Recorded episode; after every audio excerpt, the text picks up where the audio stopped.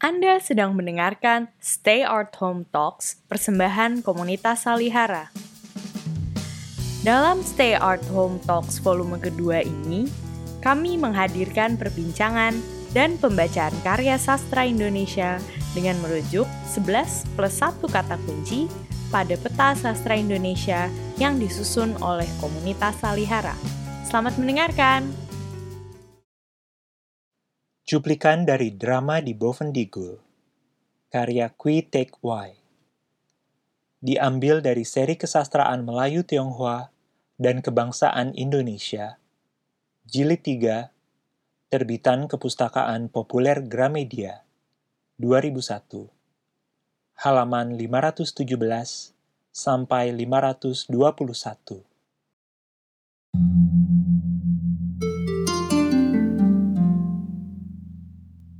Papa, Papa, ada kabar sangat perlu. Dolores berteriak. Subaidah sudah ketangkap dan ditahan oleh polisi di Makassar. Sebentar lagi Tatmo keluar, pakai kacamatanya, dan baca itu kabaran yang itu anak perempuan sodorkan. Bunyinya begini.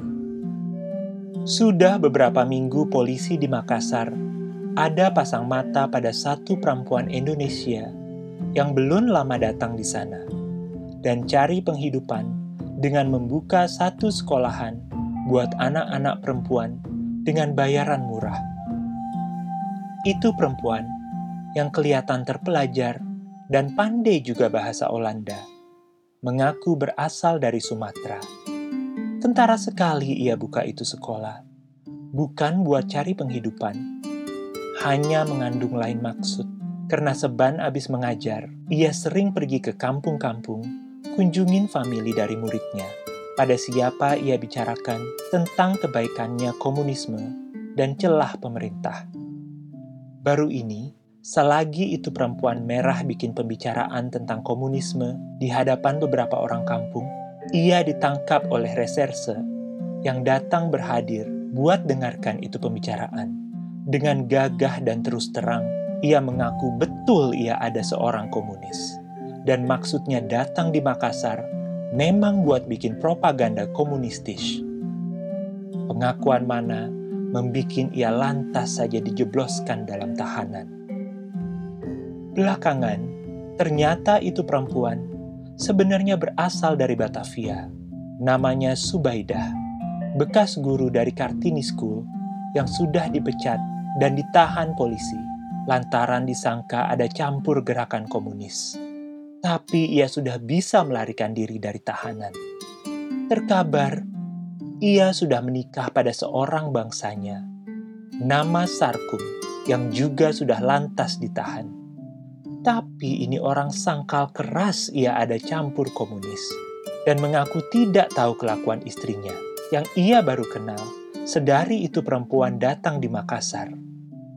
Penggeledahan oleh polisi tidak memberi hasil apa-apa karena tidak ada kedapatan surat-surat atau lain-lain yang mengunjuk Sarkum seorang komunis.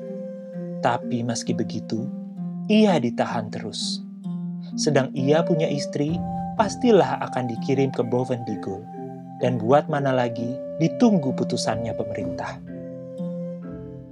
Satu perbuatan gagah dan mulia yang tidak sembarang orang sanggup lakukan. Memuji Tatmu. Satu pengorbanan besar yang sukar dicari bandingannya di ini masa, Papa, menetapkan Dolores. Apa kita mesti bikin sekarang, Papa? Lihatin saja bagaimana jalannya itu urusan. Apakah Subaidah bakal tidak lekas dikirim ke Digul? Ini sukar diduga tapi aku rasa ia ada sampai cerdik akan paksa pemerintah buat internir padanya. Dengan kasih lihat dengan tegas yang ia ada seorang perempuan merah yang berbahaya. Cuma aku khawatir pengirimannya ke Bovendigul akan terlambat kalau ia mesti dibawa dulu ke Batavia. Ah, kalau Subaidah dibawa datang di Batavia, saya ingin ketemuin buat lihat bagaimana rupanya itu gadis yang gagah dan berhati mulia. Satu sobat yang sangat setia. Amat sukar dicari bandingannya. Kalau sampai dibawa ke Batavia, urusannya Mustari dengan Nurani bisa jadi gagal sama sekali. Karena Bupati Sukabuana tentu mau cari keterangan di mana adanya ia punya putra yang sudah menghilang bersama-sama Zubaidah. Hingga akhirnya Sarkum dicegah akan turut ke Digul. Dan ini pengorbanan jadi sia-sia. Ini keterangan membuat Dolores jadi kaget. Kalau begitu, pastilah itu pengorbanan menjadi gagal. Karena begitu lekas Bupati Sukabuana mendapat kabar hal ditangkapnya Zubaidah, pastilah ia lantas minta itu anak perempuan dikirim ke Batavia. Kita cuma harap saja itu bupati tidak dapat dengar tentang ini penangkapan. Selagi Tatmo dan anak perempuannya bengong pikirkan ini soal yang ruwet, kedengeran suara anjing menggonggong keras dan tindakan sepatu dari orang yang berjalan di serambi muka. Ketika Dolores pergi melongok, ia lantas berteriak, Papa, Raden Ahmad datang. Tatmo lantas cuci muka dan tukar pakaian. Sebentar lagi, ia orang bertiga sudah berduduk di seputar meja. Apakah Tuan sudah dengar kabar Subaidah ditangkap oleh polisi? Menanya Raden Ahmad. Apakah Tuan datang di sini cuma buat sampaikan itu kabar saja? Bukan. Saya ada lagi satu urusan penting akan guna Mustari. Urusan apa? Semalam saya baru ketemu pada ayahnya Mustari, Kanjeng Bupati di Sukabuana. Buat mengabarkan Subaidah ditangkap. Iya. Ah. Kenapa begitu? itu bupati tentu cegah Mustari ikut istrinya ke Digul. Dan ini justru saya sangat khawatirkan, karena membuat itu pengorbanan jadi gagal sama sekali. Saya justru mau cegah itu kegagalan. Dengan jalan bagaimana? Saya baru sampaikan satu surat dari Mustari pada ayahnya. Tidak menolong. Itu bupati nanti gunakan pengaruhnya sampai ia punya putra dilarang turut ke Digul. Justru saya punya maksud akan bikin ayahnya Mustari tidak ambil peduli Subaidah dan suaminya. Nama Sarkum dikirim ke Digo. Ini tindakan sudah berhasil bagus. Saya berbuat begitu atas permintaannya Mustari sendiri. Tatmo tersenyum, lalu pukul kepalanya sendiri dan berkata, "Sekarang saya bisa badek Tuan punya kunjungan pada itu bupati akan bikin ia percaya bahwa Sarkum, suaminya Subaidah, ada lain orang, dan Mustari ada di lain tempat.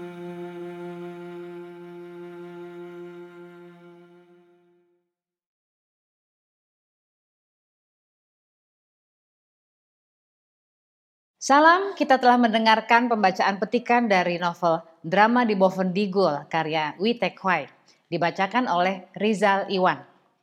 Kita akan berbincang sastra di acara Stay Art Home Talks volume 2, episode dari Dunia Tionghoa Peranakan.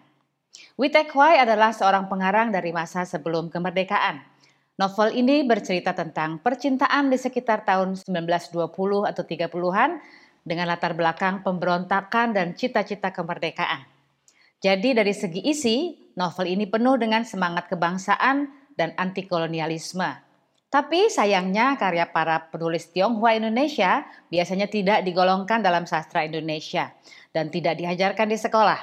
Sekarang saya Ayu Utami sudah bersama dengan Bung Didi Kuartanada, seorang sejarawan yang banyak menulis tentang sejarah komunitas timur asing kalau kita mau memakai istilah kolonial untuk merujuk komunitas Tionghoa, Arab, dan bangsa Asia yang lainnya. Dengan Bung Didi Kuartanada, saya akan berbincang-bincang tentang drama di Bovendigul dan sumbangan para penulis Tionghoa pada sastra Indonesia. Selamat bergabung Mas Didi. Nah kita langsung aja. Kita ingin tahu nih Mas Didi, sebenarnya apa sih peran sastrawan dan juga penerbitan Tionghoa di era sebelum kemerdekaan? Bagi perkembangan sastra Indonesia? Pertama-tama yang perlu dibicarakan adalah uh, bahwa uh, sastrawan Tionghoa, orang-orang yang menulis dalam uh, bahasa yang disebut Melayu rendah ya, itu adalah pertama-tama mereka menguasai apa yang disebut dengan alfabet ya atau huruf Latin ya. Kalau di masa Belanda disebut letter Olanda. Ini penguasaan mereka terhadap huruf Romawi ini relatif lebih cepat dibanding misalnya kelompok pribumi atau kelompok uh, timur asing lainnya. Nah, dengan menguasai huruf Latin ini, mereka bisa berkomunikasi, bisa memproduksi literatur yang ditulis dalam alfabet yang merupakan medium uh, universal ya, di mana orang kalau tidak bisa membaca alfabet dijuluki uh, buta huruf. Nah, dengan menguasai uh, alfabet ini, para wartawan, penulis, atau kemudian industrialis uh, pemilik uh, usaha penerbitan buku atau percetakan surat kabar, kemudian mereka menerbitkan berbagai macam uh, literatur, berbagai macam media cetak di dalam bahasa Melayu. Jadi orang-orang Tionghoa ini sangat berjasa dalam menyebarkan Melayu sebagai lingua franca tertulis ya, khususnya bahasa Melayu dalam huruf Romawi. Inilah yang kemudian menjadi kunci kemajuan uh, bagi uh, orang-orang yang terdidik di awal abad 20 sehingga mereka bisa mengikuti uh, kemajuan-kemajuan atau bacaan-bacaan uh, dalam berbagai bahasa karena semua mediumnya adalah bahas apa huruf uh, Romawi. Itu tadi yang pertama-tama peran dari orang-orang Tionghoa ya adalah ikut menyebarluaskan uh, apa bahasa Melayu dan juga kemudian uh, satu dan lain hal mereka juga menerbitkan bacaan-bacaan dengan uh, referensi dari bacaan-bacaan modern mengenai ideologi-ideologi yang saat itu ada di negara-negara barat gitu Mbak Ayu.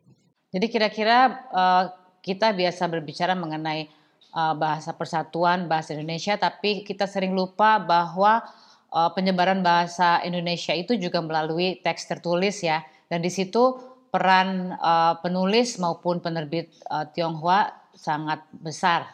Kita juga tahu ada beberapa penerbit Tionghoa yang uh, menerbitkan karya-karyanya Ronggo Warsito dan lain-lain selain juga pemikiran dari barat.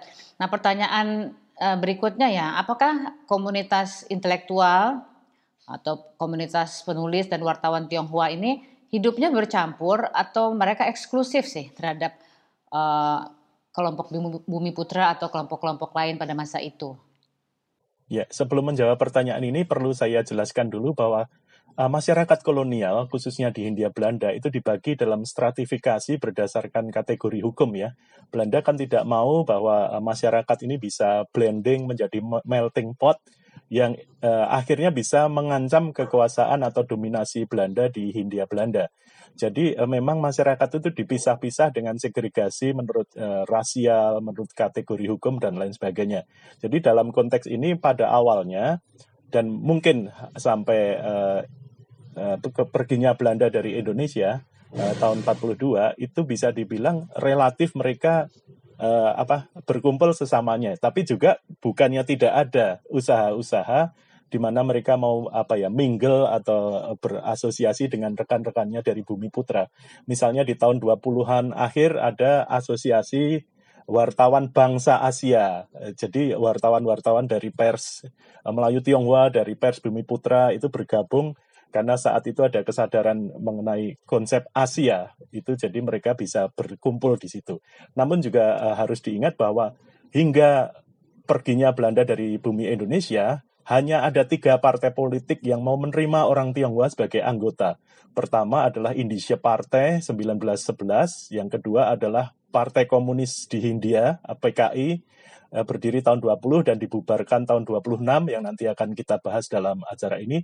Dan yang terakhir sudah sangat terlambat tahun 1937 berdiri Gerakan Indonesia, eh, Partai Gerindo, Gerindo Gerakan Indonesia, Amir Syarifuddin dan kawan-kawan.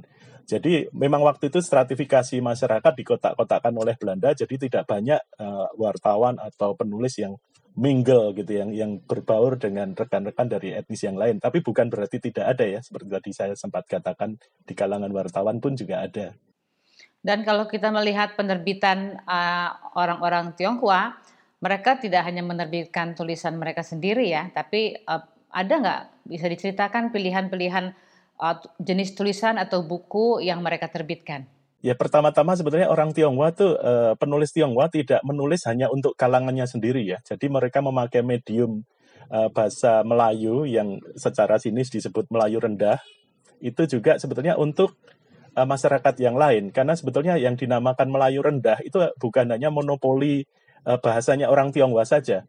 Karena dari kajian Pak Dede Utomo misalnya, itu uh, beliau menunjukkan bahwa bahasa yang dipakai kaum pergerakan dengan bahasa yang dipakai oleh uh, sastrawan Melayu Tionghoa itu sebetulnya tidak ada bedanya. Jadi itu sangat sangat uh, apa ya sangat mix, sangat bisa diterima di apa di semua kalangan karena itu adalah lingua franca yang saat itu. Nah, ini kan yang kemudian tidak disukai oleh penguasa Belanda sehingga mereka mendirikan balai pustaka dan sehingga uh, di pihak lain mereka menuduh bahwa sastra di luar balai pustaka yang memakai bahasa Melayu tinggi itu adalah bacaan liar dengan bahasa Melayu rendah semuanya didegradasikan oleh Belanda. Nah tadi terkait seperti Tan Kun Sui itu adalah dalam konteks sastra berbahasa Jawa ya berbahasa Jawa, uh, walaupun Tan Kun Sui juga menerbitkan beberapa karya berbahasa Melayu yang diterbitkan oleh uh, sastrawan uh, Jawa, tapi memakai juga medium bahasa Melayu. Jadi seperti kata Ben Anderson, orang-orang Tionghoa ini adalah apa?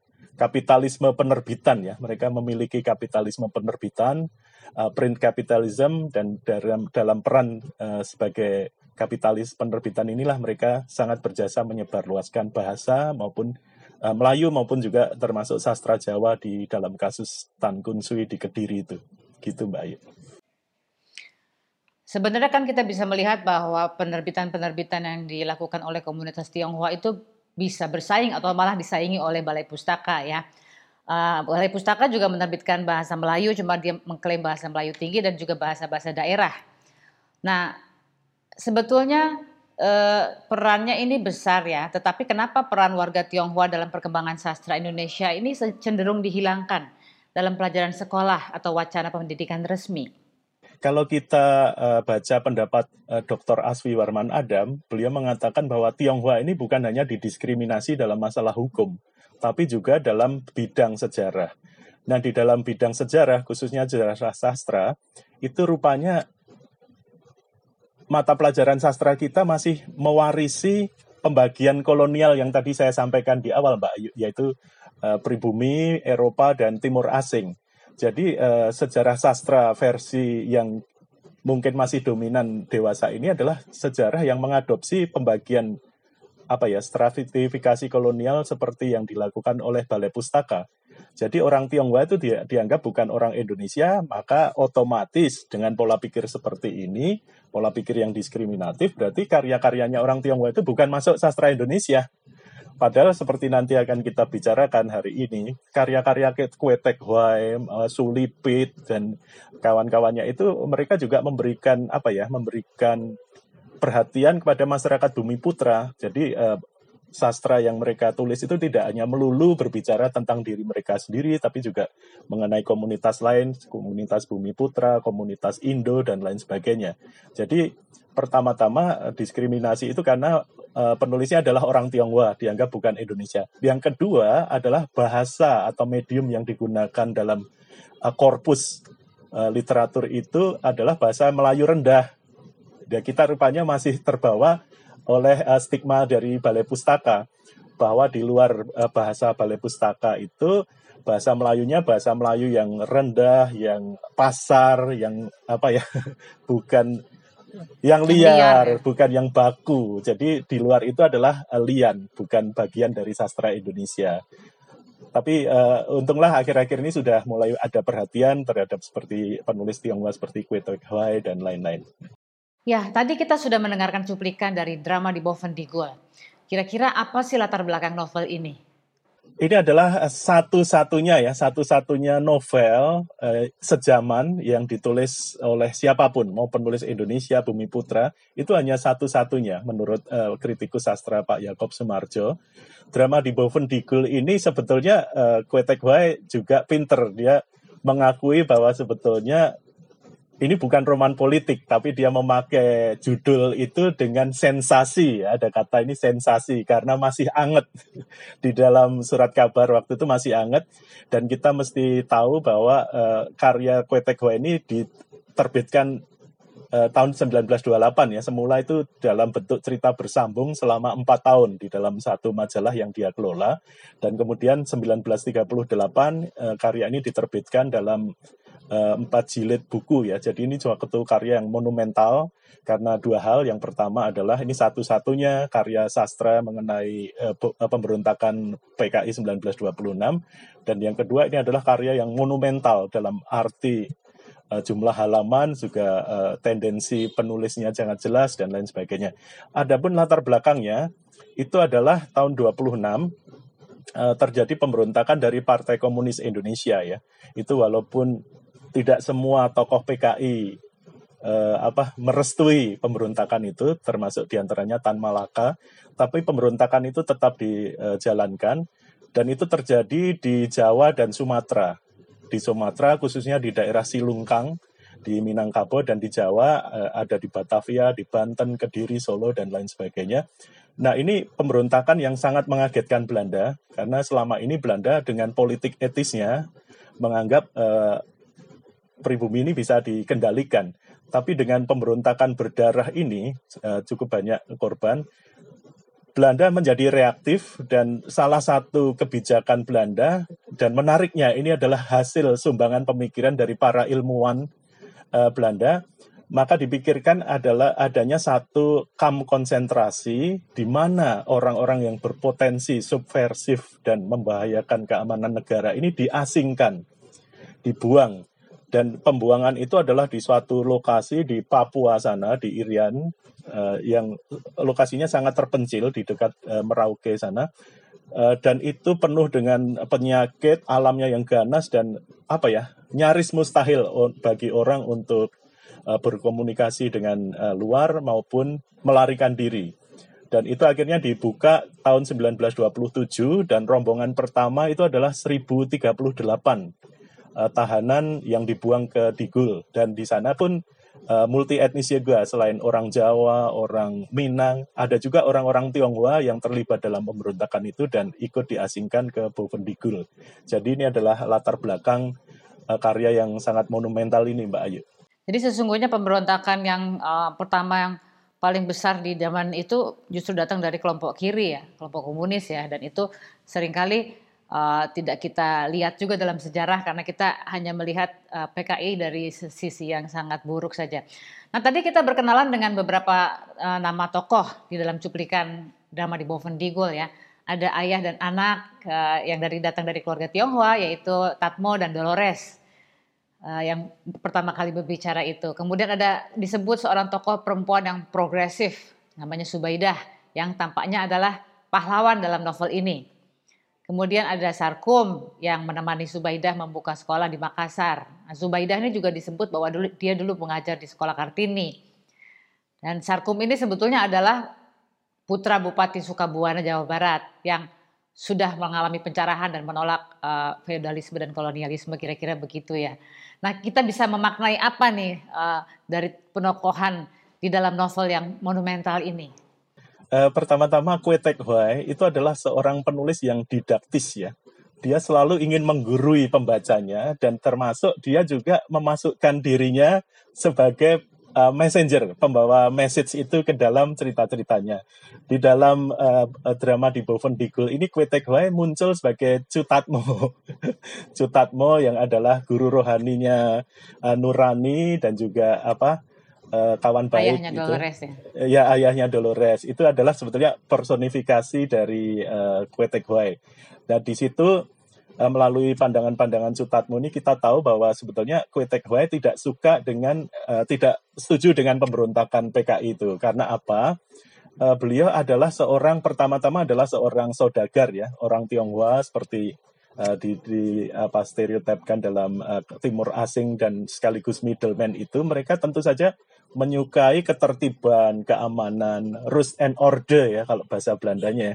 Nah, di pihak lain Kue melihat uh, pemberontakan komunis itu adalah apa ya? Uh, merusak tatanan keharmonisan itu dengan ide yang sangat uh, revolusioner bahkan lewat uh, mulutnya uh, Mustari itu menyebut ideologi komunis itu adalah penyakit uh, dari Moskow.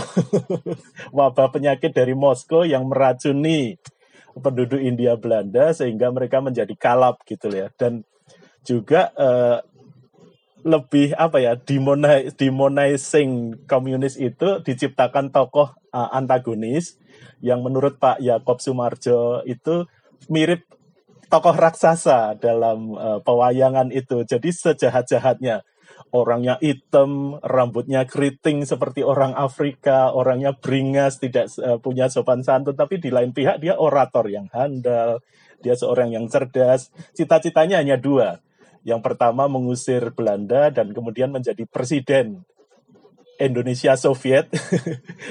dan yang kedua cita-citanya ini yang menarik yang Mbak Ayu mengatakan dia tuh kekasih yang setia. yang memang cita-cita yang kedua adalah menikahi Nurani uh, seorang uh, guru dari sekolah Kartini yang juga uh, apa ya sweetheartnya dia. Jadi uh, apa ya Radeko ini berani menempuh berbagai halangan demi mendapatkan nurani. Bahkan pada akhirnya juga uh, agak agak sadis ya kalau saya rasa ya. Dia mempersembahkan harta yang paling berharga kepada nurani yaitu apa? Itu kepalanya dia gitu sehingga nurani yang saat itu tengah hamil kemudian shock sehingga keguguran dan meninggal. Nah, itu yang uh, personifikasi uh, Mustari seorang uh, Indonesia terpelajar dan juga Nurani perempuan yang uh, guru.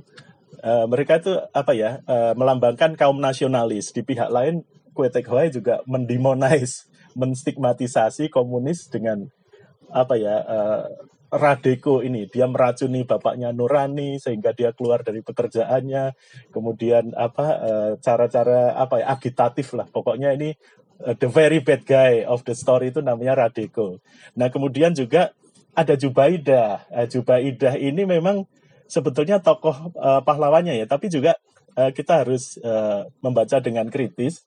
Uh, dari kajian Elizabeth Chandra, sebetulnya Jubaidah ini adalah apa ya? Uh, cita-cita Kue Teghwa yang mendambakan Indonesia di masa depan itu seperti Jubaidah ini pribumi bekerja sama dengan apa uh, dengan Belanda. Jadi seperti persemakmuran ala Inggris lah ya. Jadi bukan melalui cara-cara revolusioner yang digagas oleh Radeko dan konco-konconya itu. Jadi Kue Tekwai ini walaupun dia bersimpati dengan uh, pergerakan Indonesia, namun ada ambivalensinya juga, yaitu dia uh, mungkin kalau di sejarah politik Indonesia dia mirip-mirip Noto Suroto ya. Jadi uh, simpati dengan kooperasi, kemerdekaan Indonesia. dengan Belanda ya. Kooperasi, bukan revolusi, tapi evolusi Mbak Ayu. Jadi ini mungkin Kue Hai uh, uh, apa perahunya di perahu evolusi seperti Noto Suroto dan kawan-kawannya. Kira-kira gitu. Ini sebetulnya kalau kita baca kembali menarik sekali uh, novel ini ya. Dan bolehkah kita bilang bahwa, uh, bolehkah kita setuju dengan para peneliti yang mengatakan bahwa drama di Bovendigul dan banyak cerita dari para penulis Tionghoa itu lebih realis ketimbang uh, novel-novel terbitan Balai Pustaka. Kita bisa mendapatkan uh, potret masyarakat yang lebih real daripada uh, karya-karya terbitan Balai Pustaka. Betul, betul. Memang saya setuju dengan pandangan itu bahwa memang apa ya apa yang ditulis penulis Tionghoa itu berasal dari kejadian sehari-hari dengan bahasa sehari-hari tidak dibuat-buat dan mungkin dengan kacamata kita yang sekarang uh, yang kurang suka feodalisme itu lebih to the point ya. Izinkan saya membaca ini, membaca uh, dari presentasi uh, Tom Hoover Force beberapa waktu lalu. Beliau mengutip bagaimana uh, bahasa sastrawan Tionghoa uh, Melayu dengan sastra Bali Pustaka itu menurut Kue Teghwa ya. Ini ada satu kutipan yang saya rasa cukup bagus. Uh, kalau balai pustaka atau uh, bahasa Melayu tinggi, misalnya begini, dalam menyatakan uh, cinta uh, dan menghendaki jawaban dari kekasih, kalau Melayu tinggi ini adegan begini, romantis kira-kira. nih, adegan romantis iya, nih ya. adegan romantisnya. Aduhai adindaku, betapakah sedap bila kakanda beroleh jawab yang meluluskan cita-citaku yang telah terkandung dalam kalbuku sekian lamanya.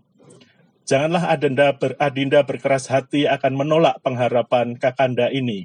Ya Adinda, itu kalau bahasa Melayu ya, flowery, berbunga-bunga, muter-muter gitu. Ini Mel nah, Melayu, kalau sastra, Melayu tinggi nih ya, tadi tuh. Ini Melayu tinggi. Nah kalau Melayu rendah, yang the so called Melayu rendah atau Melayu pasar uh, atau bahasa Melayu Tionghoa, itu gampang saja. Berilah jawaban ya atau tidak. Jadi to the point, lebih hidup gitu loh. Bahkan uh, Sultan Takdiris Alicia Bana pun mengakui ketika beliau uh, menulis mengenai sastra Melayu Tionghoa ini, kembali saya kutip dari Tom Hooker-Force, seandainya reporter olahraga bangsa Indonesia bisa sehidup uh, sastra Melayu uh, wartawan atau sastrawan Melayu Tionghoa dalam mengekspresikan apa ya uh, pertandingan olahraga itu pasti akan lebih hidup gitulah. Jadi memang bukan flowery gitu ya mbak yang bulat-bulat itu. Ber, berpusing-pusing lah. Itu lebih to the point. Jadi lebih apa ya terasa dan tidak dibuat-buat lebih membumi membumi kira-kira gitu mbak Ayu. Menarik ya. Jadi sebetulnya uh, kalau kita mau lihat juga bahwa peran bahasa Melayu pasar ini kita sebut bahasa Melayu pasar sebaiknya daripada Melayu rendah ya.